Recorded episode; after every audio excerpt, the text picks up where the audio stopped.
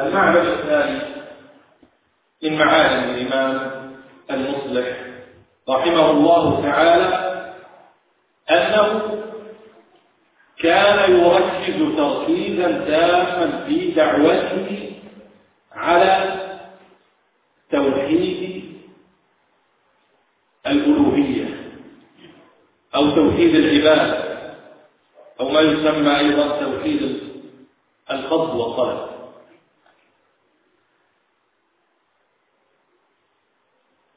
تعلمون أن التوحيد عند العلماء ينقسم إلى ثلاثة أقسام.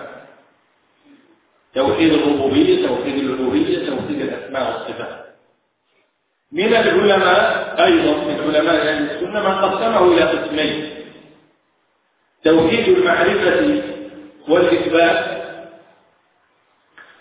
وتوحيد القصد والطلب توحيد المعرفة والإثبات هو توحيد الربوبية وتوحيد الأسماء والصفات فهما في خانة واحدة.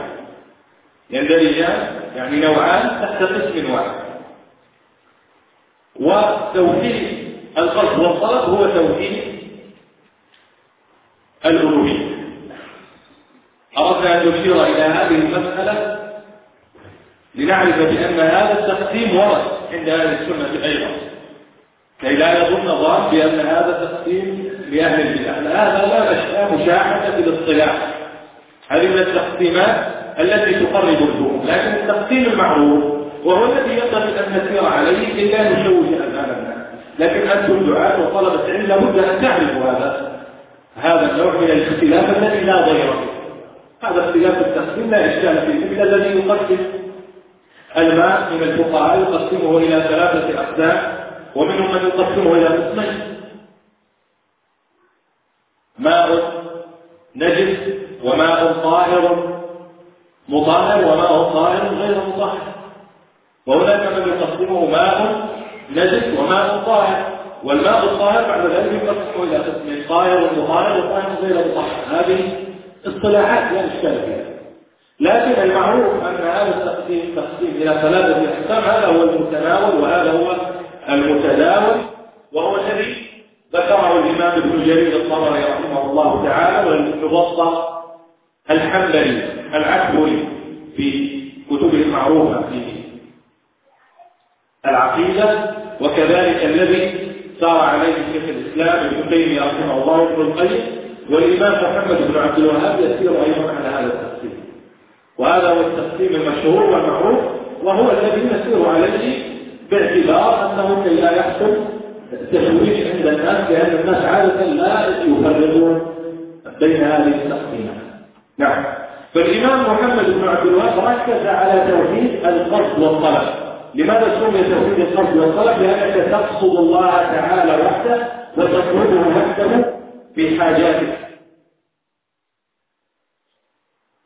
فالإمام محمد بن عبد الوهاب ركز تركيزا كاملا على هذا التوحيد وهذا كان محط دعوته رحمه الله تعالى وكان لماذا؟ لأن توحيد الربوبية في الحقيقة كان معروفا كما أنتم تعرفون كان معروفا عند المشركين الأوائل كان معروفا عند المشركين الأوائل وكان معروفا أيضا عند الذين كان عندهم شرك في زمانه رحمه الله تعالى. قال جل وعلا ولئن سألتهم من خلق السماوات والأرض ليقولن الله.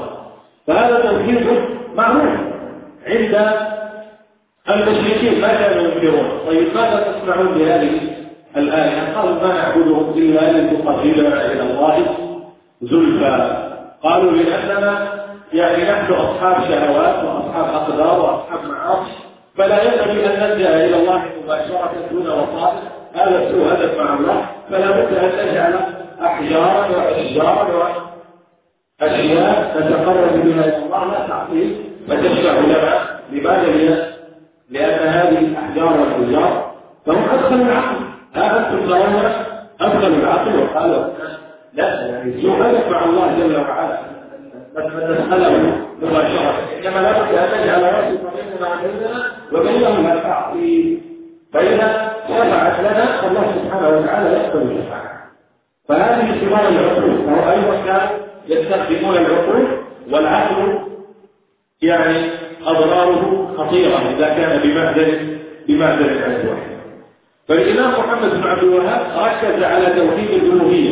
أيضا الإمام محمد بن عبد الوهاب رتب الأولويات فلم في بداية دعوته لم يتطرق لمسائل الأسماء والصفات إنما تطرق إلى المسائل المجمع عليها في التوحيد فهو مثلا لم يتطرق إلى مسألة الحلم بغير الله جل وعلا ومسألة التبرك بالصالحين رغم أنه ينكرها. ولذلك الإمام محمد بن عبد الوهاب لما قيل له لماذا تنكر؟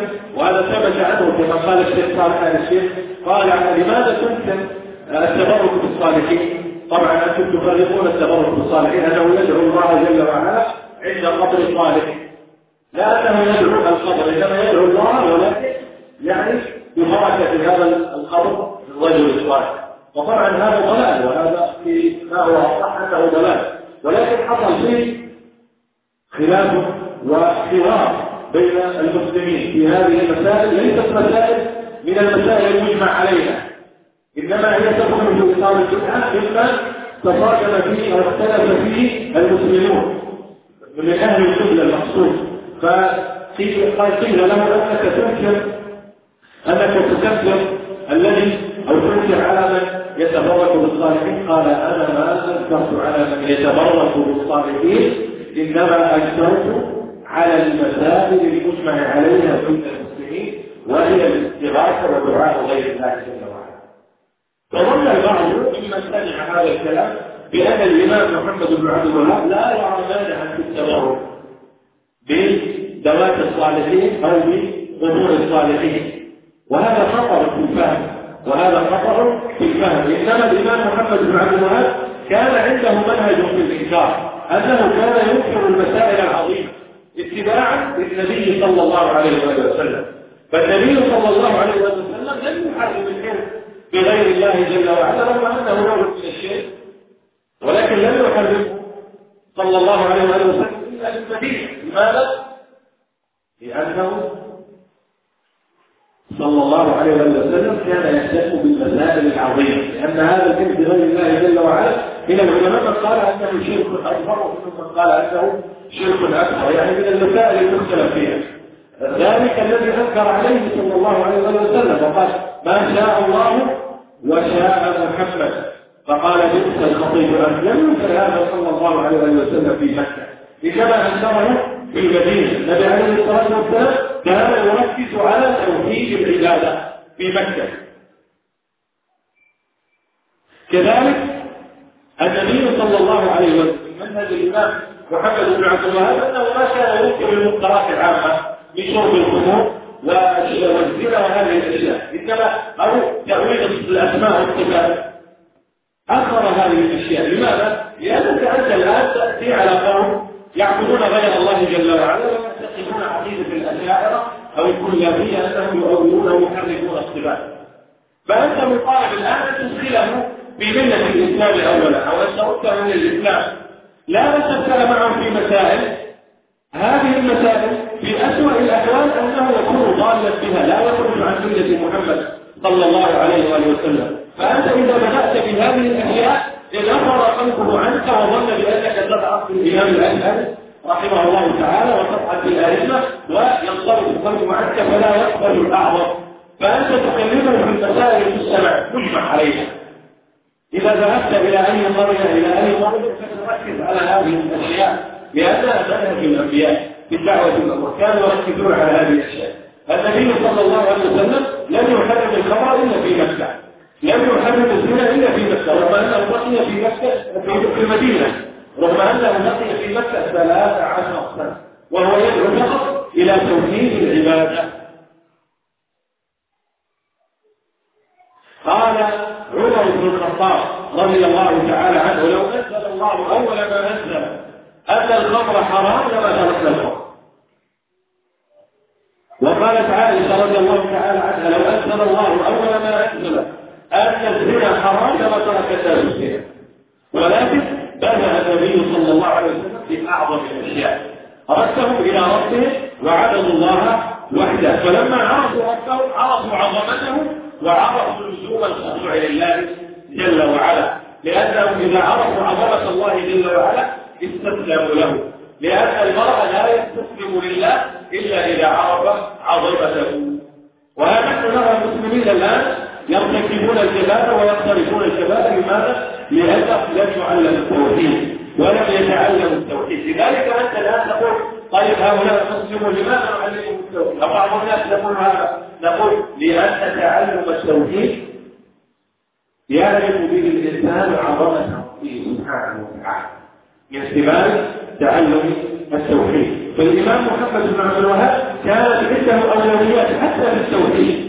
كان يقدم في دعوته كما قال صلى الله عليه وسلم لمعاذ يا معاذ فليكن أول ما تدعوه إليه؟ شهادة أن لا إله إلا الله. هذا الذي كان يركز عليه صلى الله عليه وسلم وكان ينصح وكان يأمر رسوله أن يأمروا به. توحيد العباد. لا تتطرق إلى شيء آخر حتى تثبت هذا الأصل العظيم. فأنتم إذا رأيتم في المجتمعات فعلا المنكرات فركزوا على جانب جانب التوحيد. لأن جانب التوحيد إذا عرفوا الله وعرفوا عظمته خضعوا إليه وأنابوا إليه ورجعوا إليه. فالإمام محمد بن عبد الوهاب كان على هذا الحال. فكان في بداية أمره لا يتطرق إلى المسائل المختلف فيها في العقيدة أو في التوحيد كما أشرنا. إنما كان يتطرق للمسائل المجمع عليها كما صرح هو.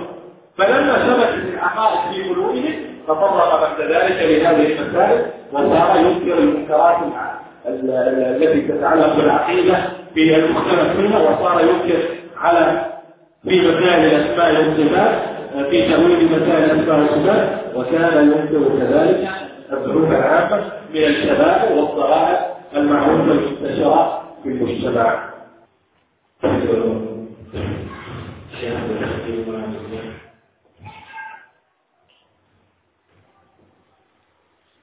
Poin yang kedua, dahulu Syekh Muhammad Abdul Wahab beliau memfokuskan dakwah beliau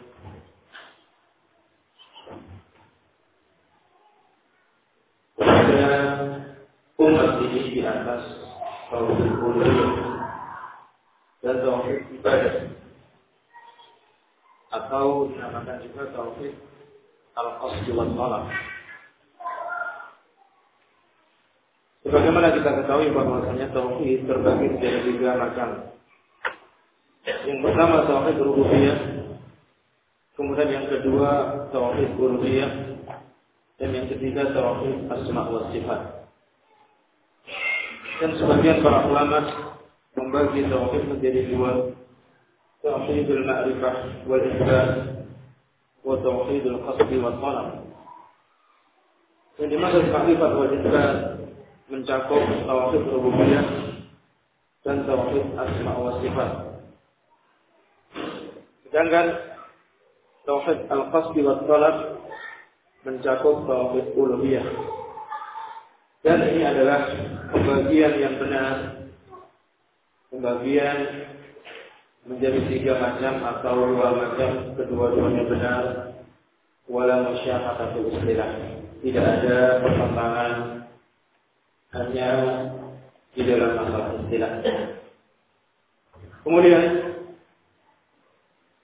kepada saudara-saudaraku para dai dan para penuntut ilmu hendaknya bisa mengetahui tentang pembagian ini adalah pembagian yang benar. Bagaimana pembagian ayat dibagi menjadi ayat yang najis dan ayat yang lahir ada juga para ulama yang membagi air yang najis, kemudian air yang tahir, mutahhir, ada yang tahir, ghair mutahhir. Jadi pembagian ini pembagian yang dia tidak ada yang permasalahan di dalam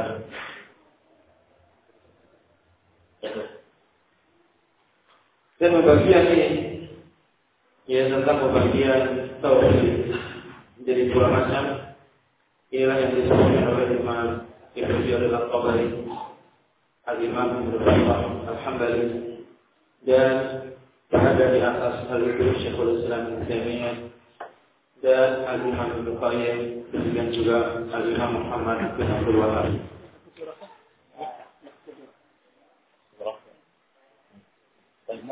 Jadi ya beliau Syekh Muhammad Wahab beliau memfokuskan di dalam dakwah tauhid al-asli wa talab. Ya. Karena yang dimaksud dengan khas itu maksudnya adalah kamu bermaksud kepada Allah ya dengan menyebutkan hajat kebutuhan karena tauhid rububiyah dahulu sudah terkenal sudah dikenal ya oleh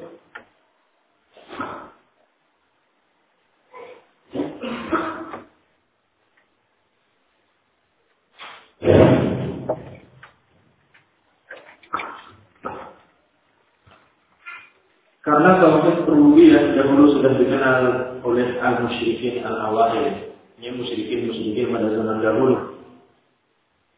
Sebagaimana Allah Subhanahu wa taala menyebutkan wa in sa'atahum man khalaqa samawati wal arda la yaquluna khalaqahunna azizun halim. Kalau seandainya kamu bertanya kepada mereka siapa yang menciptakan langit-langit dan bumi, mereka akan menjawab yang menciptakan Allah Subhanahu wa taala. Ya, oleh karena itu, ya hendaknya kita mentarkis ya kepada tauhid uluhiyah. Kalau tauhid uluhiyah tentunya sudah dikenal dan sudah diketahui oleh kaum musyrikin pada zaman dahulu. Dan mereka pada zaman dahulu yaitu mereka dengan syahwatnya ya dengan kejahilan mereka. Mereka mendekatkan diri kepada Allah Subhanahu wa taala dengan batu, ya dengan pohon yang besar dan mereka menganggap hal itu sebagai wasitah, sebagai yang akan mendekatkan diri kepada Allah dengan sedekat-dekatnya. Demikian juga Al-Imam Muhammad Abdul Wahab, beliau memfokuskan di dalam dakwahnya kepada tauhid uluhiyah. Namun beliau memfokuskan di dalam perkara-perkara yang sudah disepakati di dalam masalah tauhid. Beliau tidak mengingkari tabaruk terhadap orang-orang yang soleh. Ya, karena kaum muslimin berbeda pendapat di dalam masalah tabaruk terhadap orang-orang yang soleh. Kemudian ketika ditanya, wahai Imam Muhammad Abdul Wahab, apakah anda mengkafirkan orang yang tabaruk terhadap orang-orang yang soleh? mengambil berkah dari orang-orang yang soleh. Kemudian beliau menjawab, saya tidak mengkafirkan, saya tidak mengingkari tabaruk dengan orang-orang soleh. Tapi saya mengingkari perkara yang sudah disepakati yaitu meminta tolong beristighosa kepada selain Allah Subhanahu wa taala. Jadi beliau memulai dengan perkara yang sudah disepakati. Beliau ini bertahap di dalam berdakwah perkara yang belum disepakati, beliau ini akhirkan. Demikian juga hal ini mengikuti metode Nabi Shallallahu Alaihi Wasallam. Beliau Alaihi Wasallam dia tidak mengingkari kemungkaran-kemungkaran tauhid yang belum disepakati kecuali di Madinah. Ketika beliau di Mekah, ya beliau mengajak kepada tauhid ubudiyah atau tauhid uluhiyah selama 13 tahun. Ini perkara-perkara yang makin diperselisihkan, belum disepakati beliau tidak mengingkarinya. Ketika beliau berada di Madinah, beliau mendengar ucapan Masya Allah wa Muhammad. Kemudian beliau mengingkarinya. Beliau tidak mengingkari hal itu di Mekah, tapi di Madinah. Ya karena kondisi ketika itu sudah dianggap siap ya kalau kondisi di Mekah ia belum ya, siap dari kaum muslimin. Beliau di Mekah tidak menghindari orang yang minum khamar. Ya demikian juga ya kita sebagai dai ya tidak langsung kemudian kita menghindari akidah asyairah tentang asma wa sifat. Ya karena permasalahan tersebut tidak mengeluarkan seseorang dari Islam. Hendaknya kita memfokuskan pembahasan kita Ya apabila kita pulang kampung kita, di masyarakat kita perkara-perkara yang sudah disepakati ya akan ya hal tersebut di dalam masalah akidah. Permasalahan yang belum disepakati atau masih ya diperselisihkan kita tunda terlebih dahulu. Hal ini ya kita ketahui dari dakwah Nabi Alaihi beliau selama 13 tahun di Mekah mendakwahkan dakwah tauhid ubudiyah atau tauhidul ibadah. Ya belum ya masuk di dalam tauhid asma sifat dan tauhid yang lain. Kemudian sebagaimana Umar mengatakan kalau seandainya Allah Subhanahu wa taala menurunkan bahwa siapa khamar itu haram, pasti mereka tidak akan meninggalkan khamar. Ini demikian juga dikatakan apabila Allah menurunkan bahwa zina itu haram, maka manusia tidak akan meninggalkan zina karena mereka belum siap ya untuk menerima hal itu di Mekah. Ya maka hal itu semuanya Allah Subhanahu wa taala turunkan di Madinah. Dan demikian juga ya tentang ya bagaimana kita bisa memberikan konsentrasi dan fokus di dalam tauhid uluhiyah, ya di dalam dakwah kita. Ya di dalam dakwah kita karena dakwah tauhid itu akan akan membuahkan hasil apabila kita betul-betul mempelajari tauhid betul-betul mempersiapkan diri kita untuk memahami tauhid. Sebagaimana Nabi Alaihi Wasallam beliau berkata kepada Mu'ad, Ya berjabal, radhiyallahu ta'ala, Inna kata fi qawman min ahli kitab, Waliyakun awal ma tad'uhum ilaih syahadat an la ilaha illallah, Wa fi riwayatin ila an yuwahidullah. Kamu akan datang kepada kaum ahli kitab. Maka yang pertama kali kamu dakwakan kepada mereka supaya mereka mentauhidkan Allah Subhanahu wa taala. Jadi, apabila kamu melihat kemungkaran yang ada di masyarakat, ya kamu jangan mengingkari terlebih dahulu kemaksiatan dan lain sebagainya. Tapi fokuskan ini di dalam permasalahan tauhid. Ya, kuatkan pembahasan di dalam tauhid. Ya demikian juga itu akan ya bisa ya meredam ya dari dosa-dosa besar, ya dari kemaksiatan yang ada di masyarakat karena kita ya memulai dari yang paling penting tauhid terlebih dahulu. Kalau tauhid terlebih dahulu kita ajarkan kepada mereka, insya Allah nanti ya selama kelamaan mereka akan meninggalkan dosa-dosa yang besar, demikian juga dosa-dosa yang kecil.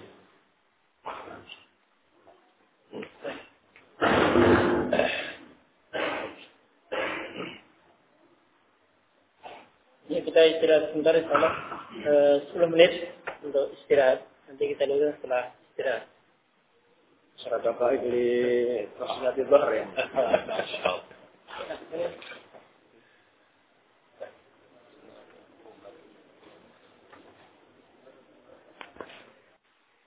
Bismillahirrahmanirrahim. المعلم الخامس أن الإمام محمد بن عبد الوهاب رحمه الله تعالى كان سهلا ولينا وموقرا وللأمراء وكان رهيبا به. ما كان كحال بعض الدعاة الآن إذا نزل قرية أو بلدة يقول أنا أدعو إلى الله جل وعلا أنا أحمل الحق فلا ألتفت لزيد ولا عمر سواء كان عالما أو أميرا. لم يكن هذا منهج العلماء. إنما كان منهجه رحمه الله أنه كان سهلا لينا موقرا للأمراء فإذا دخل قرية ذهب إلى أمرائها واستأذن منهم ودعاهم إلى التوحيد. وكذلك إذا كان في هذه القرية علماء حتى وإن كانوا يخالفون الحق الذي يدعو إليه فكان يدعوهم إلى الحق بأسلوب رحيم كما قال شيخ الإسلام ابن تيمية رحمه الله تعالى أهل السنة أعرف الناس للحق وأرحمهم بالخلق. فكان فيه رحمة حتى أنه كان عالم من علماء الأحساء وكان أشعريا. اسمه عبد اللطيف أو عبد العزيز الأحسائي لا أستحضر الآن. فكان الإمام رحمه الله تعالى أرسل له فقال له وإني لأدعو الله لك في صلاتي. أن يبصرك بالحق وإني أتمنى أن تكون فاروق هذه الأمة كما كان عمر بن الخطاب فاروق هذه الأمة الذي فرق الله به بين الحق والباطل. وإني لما زرتكم علمت أنكم قررتم في شرح البخاري أن الإيمان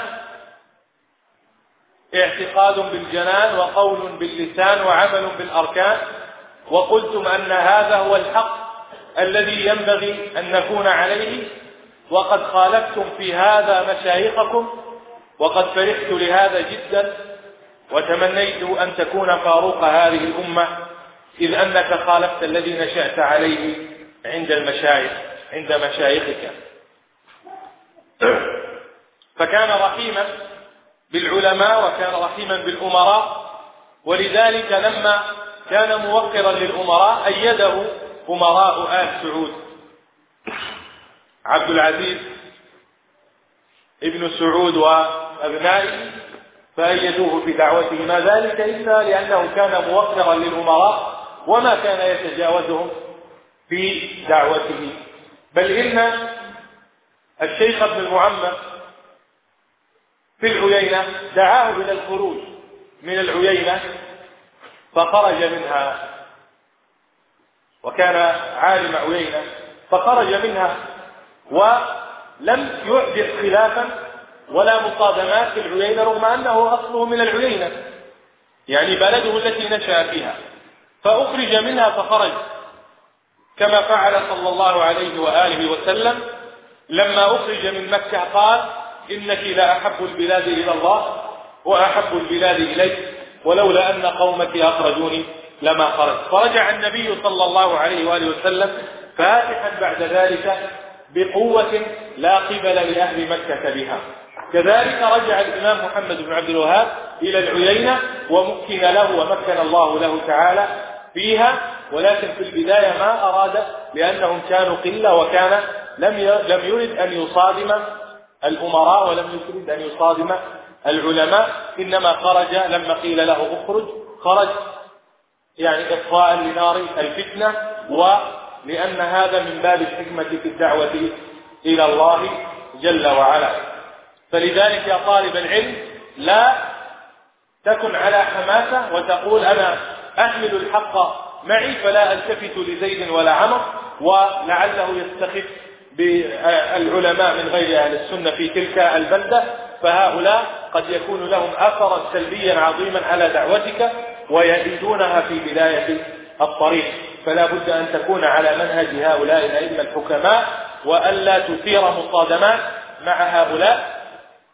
وما كان الإمام محمد بن عبد الوهاب يستعدي الناس على الدعوة. هذا شعيب عليه السلام قال لقومه ويا قومي لا أخالفكم لما أنهاكم عنه. أي أنني أنا الشيء الذي أنهاكم عنه أنا لا أتقصد المخالفة. فلا تكن متقصدا لمخالفة الناس كما أشرنا في المعلم السابق أن الإمام محمد بن عبد الوهاب كان يركز في بداية الأمر على المسائل المجمع عليها لأنها تصادق القبول عند الناس ابتداء. فإذا قبلوا منك المسائل المجمع عليها سهل عليهم أن يقبلوا منك ما وراء ذلك تفضل Kemudian beliau menyebutkan poin yang kelima dari manhaj Syekh Muhammad bin Abdul Wahab rahimahullah taala bahwasanya Al Imam Muhammad bin Abdul Wahab rahimahullah taala dahulu beliau orang yang lembut, orang yang mudah dan orang yang menghormati ulama dan umar dan beliau adalah orang yang memiliki kasih sayang kepada mereka.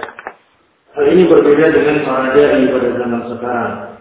Sebagian di antara para dai apabila mereka singgah di satu tempat, di satu desa, satu kota, ya mereka mengatakan kita membawa kebenaran dan kita tidak boleh menoleh ke kanan dan kiri, menoleh kepada saya, kepada si dan yang lain. Jadi hal ini ya tidak sesuai dengan manhaj para ulama. Oleh karena itu Syekhul Islam Ibnu Taimiyah taala beliau berkata, "Ahlus sunnati aqrafun nas bil haqq wa arhamuhum bil khalq." Jadi ahli sunnah wal jamaah mereka adalah orang yang paling paham, paling mengetahui tentang kebenaran, dan mereka adalah orang yang paling lembut terhadap manusia. Dahulu Syekh Muhammad Abdul Wahab dikisahkan suatu ketika beliau yang mengirim surat ya kepada Abdul Nasir Al Aksari. Ini kalau saya tidak keliru namanya. Ya bahwasanya beliau mengatakan di dalam suratnya sesungguhnya aku berdoa kepada Allah Subhanahu wa taala untukmu di dalam sholatku agar menampakkan kebenaran kepadamu dan supaya engkau menjadi faruq dari umat ini Orang yang bisa membedakan antara yang hak dan antara yang batil. Dan ketika aku singgah di tempatmu, mengunjungimu, kamu telah menetapkan di dalam syarahmu terhadap kitab Sahih Bukhari. Ya tentang masalah iman. Dan kamu dengan hal itu telah sesuai dengan pendapat para ulama ahli sunnah dan kamu telah menyelisihi ya masyayikh yang ada pada kamu dan kamu telah ya, aku telah senang ketika mendengarkan hal ini. Maka beliau ya kita perhatikan mengirim surat kepada ulama yang lain ya dengan penuh lemah lembut. Hal ini menunjukkan bahwasanya beliau punya kasih sayang kepada ulama dan kepada umat. Demikian juga ya beliau dahulu didukung oleh para amir ya para penguasa dari al-Suhud ya Abdul Aziz dan putra-putranya. Ya suatu ketika ya beliau ya diajak oleh Syekh bin Muhammad ya untuk keluar ya dari Uyainah ketika terjadi fitnah. Kemudian beliau keluar ya ke Mekah dan ke tempat yang lain. Kemudian beliau kembali ya dan mendapatkan dukungan ya dari Umar ya ketika itu di Uyainah. Oleh karena itu beliau keluar ya tidak dalam rangka untuk menulis fitnah, namun beliau keluar dalam rangka untuk memadamkan api fitnah. Oleh karena itu, wahai para penuntut ilmu, wahai para dai, ya hendaknya kamu jangan hanya bermodalkan semangat ketika tidak, ketika berdakwah, sehingga kamu tidak ini menolak ini kepada si A atau si B. Ya, oleh karena itu hendaknya kamu berada di atas semangat para ulama yaitu yang berdasarkan di atas ilmu yang sahih. Jadi demikian juga kisah Syekhul Islam Muhammad bin Wahab yang telah kita sampaikan. Ini bahwasanya beliau memfokuskan di dalam dakwah tentang perkara-perkara yang sedang disepakati. Ia tidak memulai di dalam perkara-perkara yang khilafiyah. Perkara-perkara yang belum disepakati, belum bicara. Ini para ulama di dalamnya.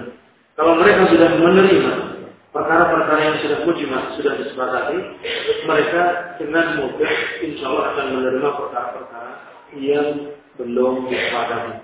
Jadi ini yang beliau sampaikan dari poin yang kelima. Ya insya Allah ya kita sudah terjemahkan dan insya Allah kita akan melanjutkan insya Allah pada sholat. Insya Allah. Ini bagian di antara ثلاث معاني إن شاء الله سنكون صحيح Jadi insya Allah kita akan lanjutkan. هل يشفقون إلى هذا؟ Nah,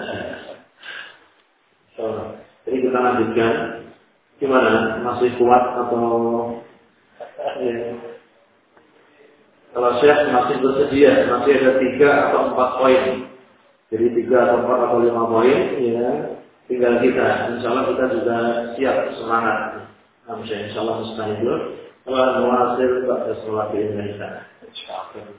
هذا القسم الرابع الذي زاده البعض. أولا لا يصلح أن يكون قسما مستقلا لأنه يدخل شيء منه في توحيد الربوبية وشيء منه في توحيد الحاكمية. فلا يصلح أن يكون قسما مستقلا. لأنه ليس من هو أصالة يدخل في هذه الأصول الثلاث. في في أصلين من هذه الأصول الثلاثة وما دام أنه يدخل ولا وليس مصطلح الحاكمية هذا مصطلح الحاكمية يعني مسألة الحكم بما أنزل الله. لماذا؟ لأنها جزئية لأنها جزئية من جزئيات العقيدة. وتندرج تحت هذا الأمر العظيم. تدخل في مسألة العبادة وتدخل في مسألة توحيد الربوبية. ما دام أن داخلة فيها فلا حاجة فلا حاجة إلى أن آه، نجعل لها قسما قسما مستقلا لأنها جزئية من جزئيات العقيدة التي تندرج تحت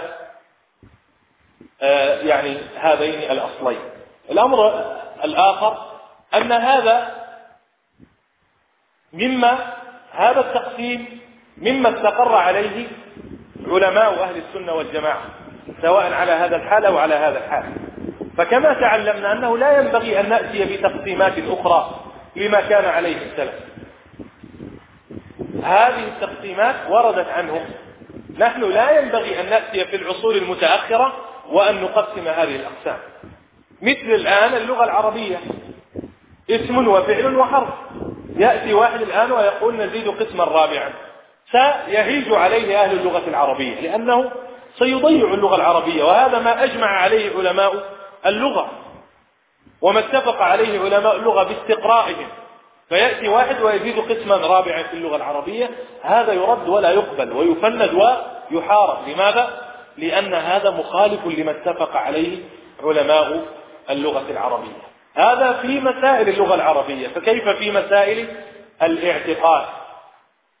فهذا عندنا من أقوال السلف ما يغنينا وكما تعلمنا أننا لا ينبغي أن نتكلم في مسألة لم يسبقنا فيها إمام إذا وجعلها قسما مستقلا لم يسبق إليه فينبغي أن نكتفي وأن نقتفي آثار الأوائل والمتقدمين إن شاء الله تعالى نعم Ini pertanyaannya, sebagian dari kelompok yang menyimpang, mereka mengatakan membagi tauhid menjadi empat bagian, tauhid rububiyah, rububiyah, Allah sifat dan sebagainya. Jadi bagian ini salah, kenapa boleh membagi menjadi dua yang tiga, kenapa itu tidak boleh? Jadi Syekh Hafizullah beliau menjawab bahwasanya bagian yang keempat yang ditambahkan dengan sebagian orang ya bahwa itu sudah masuk di dalam tauhid rububiyah dan asma wa sifat. Jadi sudah masuk dari ya, dua tauhid ya dari tiga tauhid yang sudah jelas.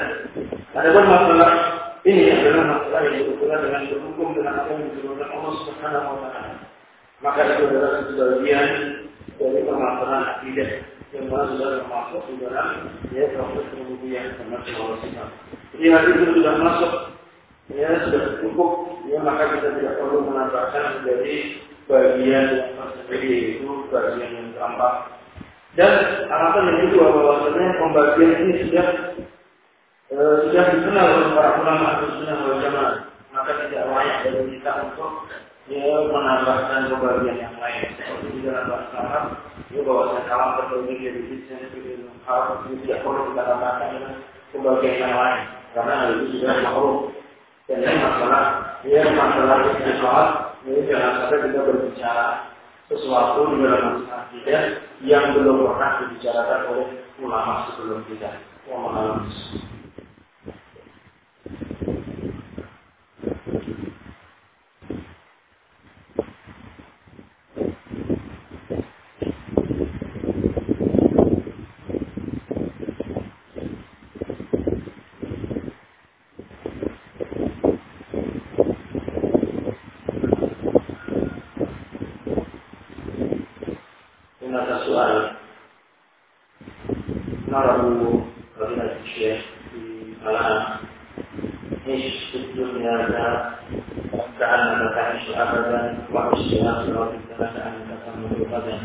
Mohon هذا الحمد لله هذا ورد كأنه يعني رفع يعني ورد مرفوعا إلى النبي صلى الله عليه وآله وسلم وهو في الحقيقة ليس يصح مرفوعا عن النبي صلى الله عليه وآله وسلم إنما هو ورد على لسان الحسن البصري رحمه الله تعالى وهو حكيم من حكماء الأمة. وهو حكيم من حكماء الأمة وكان يوصف بأن كلامه مأخوذ من مشكاة النبوة. وهذا الكلام غاية في الحسن وغاية وغاية في الجودة يدل على استقراء لنصوص الكتاب والسنة ومرام الشرع وأغراضه. عش في الدنيا عش آه دنياك كأنك تعيش أبدا اعمل لدنياك كأنك تعيش أبدا واعمل لآخرتك كأنك تموت غدا. فهذا كلام صحيح. أن الإنسان وهذا الدليل أن النبي عليه الصلاة والسلام قال إذا قامت القيامة وفي يد أحدكم فتيلة فليضربها هذا يدل على طول الأمل في الدنيا أن ما زال عنده أمل في الحياة. فالله عز وجل حضنا على ذلك. و آه، يعني طول الأمل هذا في يعني يؤدي إلى حسن العمل. يؤدي إلى حسن يعني النبي عليه الصلاة والسلام يقول خيركم من طال عمره وحسن عمله. فيعني طول العمر هذا من نعم الله جل وعلا على المرء والشيخ الألباني رحمه الله تعالى في مرض موته يقول وأسأل الله جل وعلا أن يطيل في عمري حتى أنهي الكتب التي كنت أريد أن أصنعها أو المشروع الذي وربما هذا المشروع يحتاج منه عمر آخر مثل الذي عاش رحمه الله تعالى. فهذا من طول الأمل المحمود لماذا؟ لأنه لفعل الصالحات. واعمل لآخرتك كأنك تموت غدا أي أنك دائما إذا أردت أن تعمل الخير فتذكر أنك ممكن تموت في أي لحظة. هذا مما يساعدك على حسن العمل. كما قال آه، قيل عن عبد الله بن المبارك لو آه، قيل لعبد الله بن المبارك أنه سيموت اليوم لما وجد من الصالحات ما يعمل لما وجد من الصالحات ما يزيد فعله وما يزيد عمل هكذا كان دأب السلف لماذا؟ لأن الموت كانت بين أعينهم. والنبي عليه الصلاة والسلام قال أن الموت والآخرة هذه اللذات فالإنسان لابد أن يتذكرها وأمرنا عليه الصلاة والسلام بزيارة القبور. لماذا؟ لأنها تذكرنا الموت. فتذكر الموت وكأنك تموت غدا هذا مما يساعد على النشاط في العمل الصالح. فهذا كلام غاية في الصحة وغاية في الجودة ويدل على أنه من مشكاة النبوة. عليه أدلة شرعية كثيرة من القرآن ومن السنة. Jadi ada perkataan dari pertanyaan ini untuk duniamu seperti selamanya dan bukan untuk akhirnya seperti kamu akan nanti besok. Jadi beliau jawab, ya bahwasannya telah diriwayatkan dari Nabi tapi tidak tidak. Hanya saja itu adalah ya perkataan yang diriwayatkan dari Ahmad Rahimahullah Ta'ala beliau ada seorang hakim, seorang bijaksana di akhir akhir Muhammad Hakim. Namun perkataan beliau diambil dari perkataan nubuah karena beliau memahami tentang dari Quran dan Sunnah. Dan dari itu dia juga akan sahih secara maknanya. Ya karena ya apabila ya kamu hidup di dunia seakan-akan untuk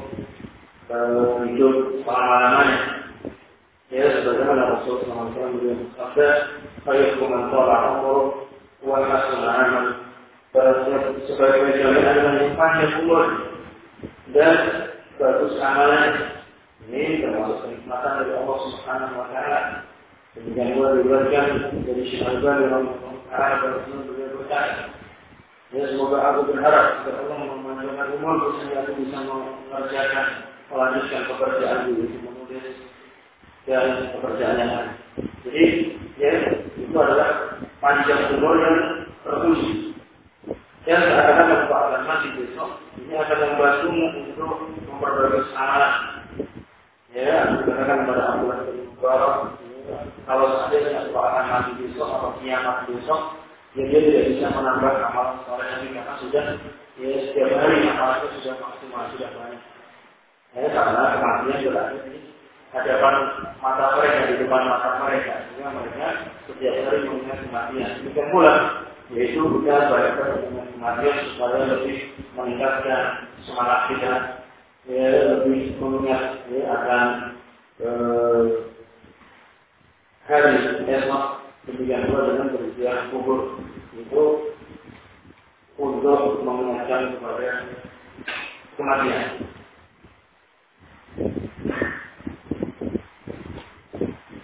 Kalau ada kita di terjemah di هذا أنتم أعرف به كتب الترجمة وهناك من صنف كتب في منهج الإمام محمد بن عبد الوهاب. يعني كثير من مشايخ السعودية. هذا موجود. لكن كتب مترجمة إلى الأندلسية هذا أنتم فيه يعني. وأنا هذا هذه المعالم لم أخذها من كتاب الحقيقة. إنما أخذتها من كلام العلماء. يعني من يعني كلام العلماء عموما. أخذنا منهم رؤوس أقلام ويعني اجتهدنا بإضافة أشياء من عندنا واستدلالات لكن هي المعالم كأصول يعني أخذناها من كلام أهل العلم. نعم. Jadi ada kitab biografi dakwah Syekh Muhammad bin Wahab banyak dengan bahasa Arab itu dengan cetakan buku dari para masyarakat di Arab Saudi yang mengarah tentang dakwah Syekh Muhammad bin banyak. Kalau dalam bahasa Indonesia kita mungkin kita silakan kita semua yang lebih tahu tentang buku-buku yang berbeda di toko-toko atau di pasar. Jadi ini beliau tidak mengambil dari kitab tertentu, namun beliau ini mengambil dari ini perkataan ulama, ini mengambil dengan beberapa poin, kemudian beliau tambahkan. ويعني أنا أنصحهم أن يجربوا هذه المعالم في دعوتهم وسيرون إن شاء الله تعالى أنها تثمر يعني أنا مثلا المعلم الذي من المعالم أنه كان رحمه الله تعالى الاتباع للسنة في العلميات والعمليات والرد إلى السلف طبقته مع شخص كان يفعل بدعة في مسجد هنا عندكم لما ذهبنا إلى سلف معاوية المكان الذي ذهبنا إليه. سمرين نعم. وطبقنا هذا هذا المعلم أنا أتيته كان أريد منه أن أتعلم. هذا الفعل كان يعمل أذكار بين الأذان والإقامة. فأنا جئت وقلت له هل عندك شيء في هذا عن النبي عليه الصلاة والسلام؟ هل عندك شيء في هذا عن السلف؟ لم أهاجمه لم أقل له. يعني أنت تفعل البدعة تفعل المنكر كذا. لم أستعمل معه هذا الأمر مطلقا إنما قلت له أنا لا أعرف. والله أنا درست في دول عربية و... الدول العربية لم أرى مثل هذا رأيته فأنا أريد لو عندك شيء في هذا علمني. أنا أعرف أنه ليس عنده شيء في هذا إنما ما وجد عليه آباءه. نعم. فإذ به لم يستطع أن يرد ولا كلمة. بعد ذلك تهيأت نفسه لقبول الحق الذي كنت أقوله له بعد ذلك. وإذ به يقبل الكلام ويكون مستحيا ومطأطئا لرأسي وقابل هذا الكلام جملة وتفصيلا. طبعا أنا لا أعرف الأندونيسية كان شخص يترجم له وأحسسنا بأنه تأثر جدا بهذا الكلام وبهذا المنهج هذا شيء مجرد. هذا كالدواء مجرد. جربوه. Jadi beliau memberikan nasihat kepada antum sekalian supaya menerapkan beberapa poin dari manhaj Syekh bin Wahab yang telah antum catat dan itu sangat insya Allah akan membawa manfaat meskipun nanti untuk masa yang akan datang. Sebagaimana beliau menjelaskan dan kisahkan beliau pergi ke Semarang ke masjid kemudian ada puji-pujian ya antara azan dan sholat. Kemudian beliau dia pura-pura bertanya ya apakah ini ada hubungannya apakah ini juga dikerjakan di negara-negara Arab ya kemudian dia tidak bisa menjawab kemudian dia kemudian dia mau menerima dari apa yang saya ucapkan jadi ya ini sudah ya barangkali sudah pernah diucapkan ini mudah-mudahan kita bisa mengikutinya dan memahami.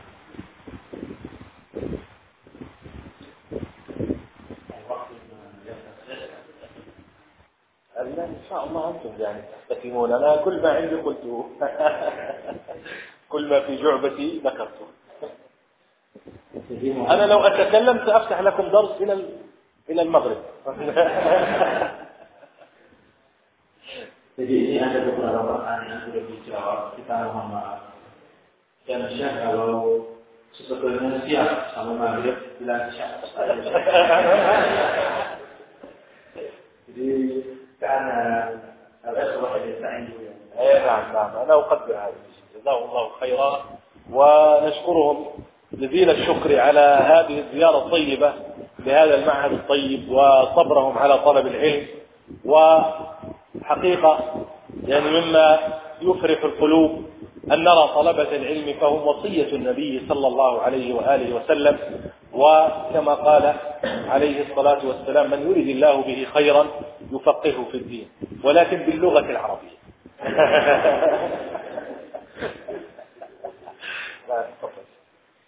Jadi beliau sangat senang dengan kedatangan para imam, para khotib, dai pada acara dakwah yaitu asli ini. Dia sangat senang sekali dan menuntut ilmu sebagaimana kita ketahui bersama adalah wasiat Rasulullah SAW yang beliau juga bersabda dengan yuridillahu bihi khairan fil din Barang siapa yang Allah kehendaki dengan kebaikan pasti Allah akan bahagia di dalam agama kita insya Allah Taala akan ya senang sekali dengan acara doa seperti ini. Tapi dengan syarat ya dengan bahasa Arab.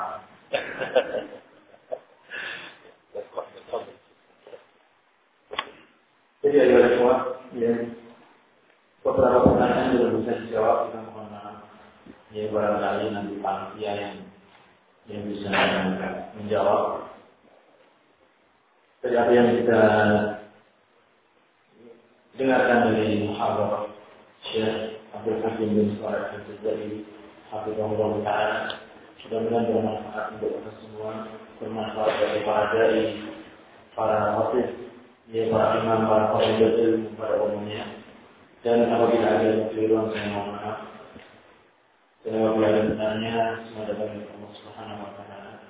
Saya sebagai pemateri sesi yang pertama dan penerjemah dari Syekh ini mohon maaf dan saya akhiri pada acara sore hari ini. Wassalamualaikum warahmatullahi wabarakatuh. Alhamdulillah Wassalamualaikum warahmatullahi wabarakatuh.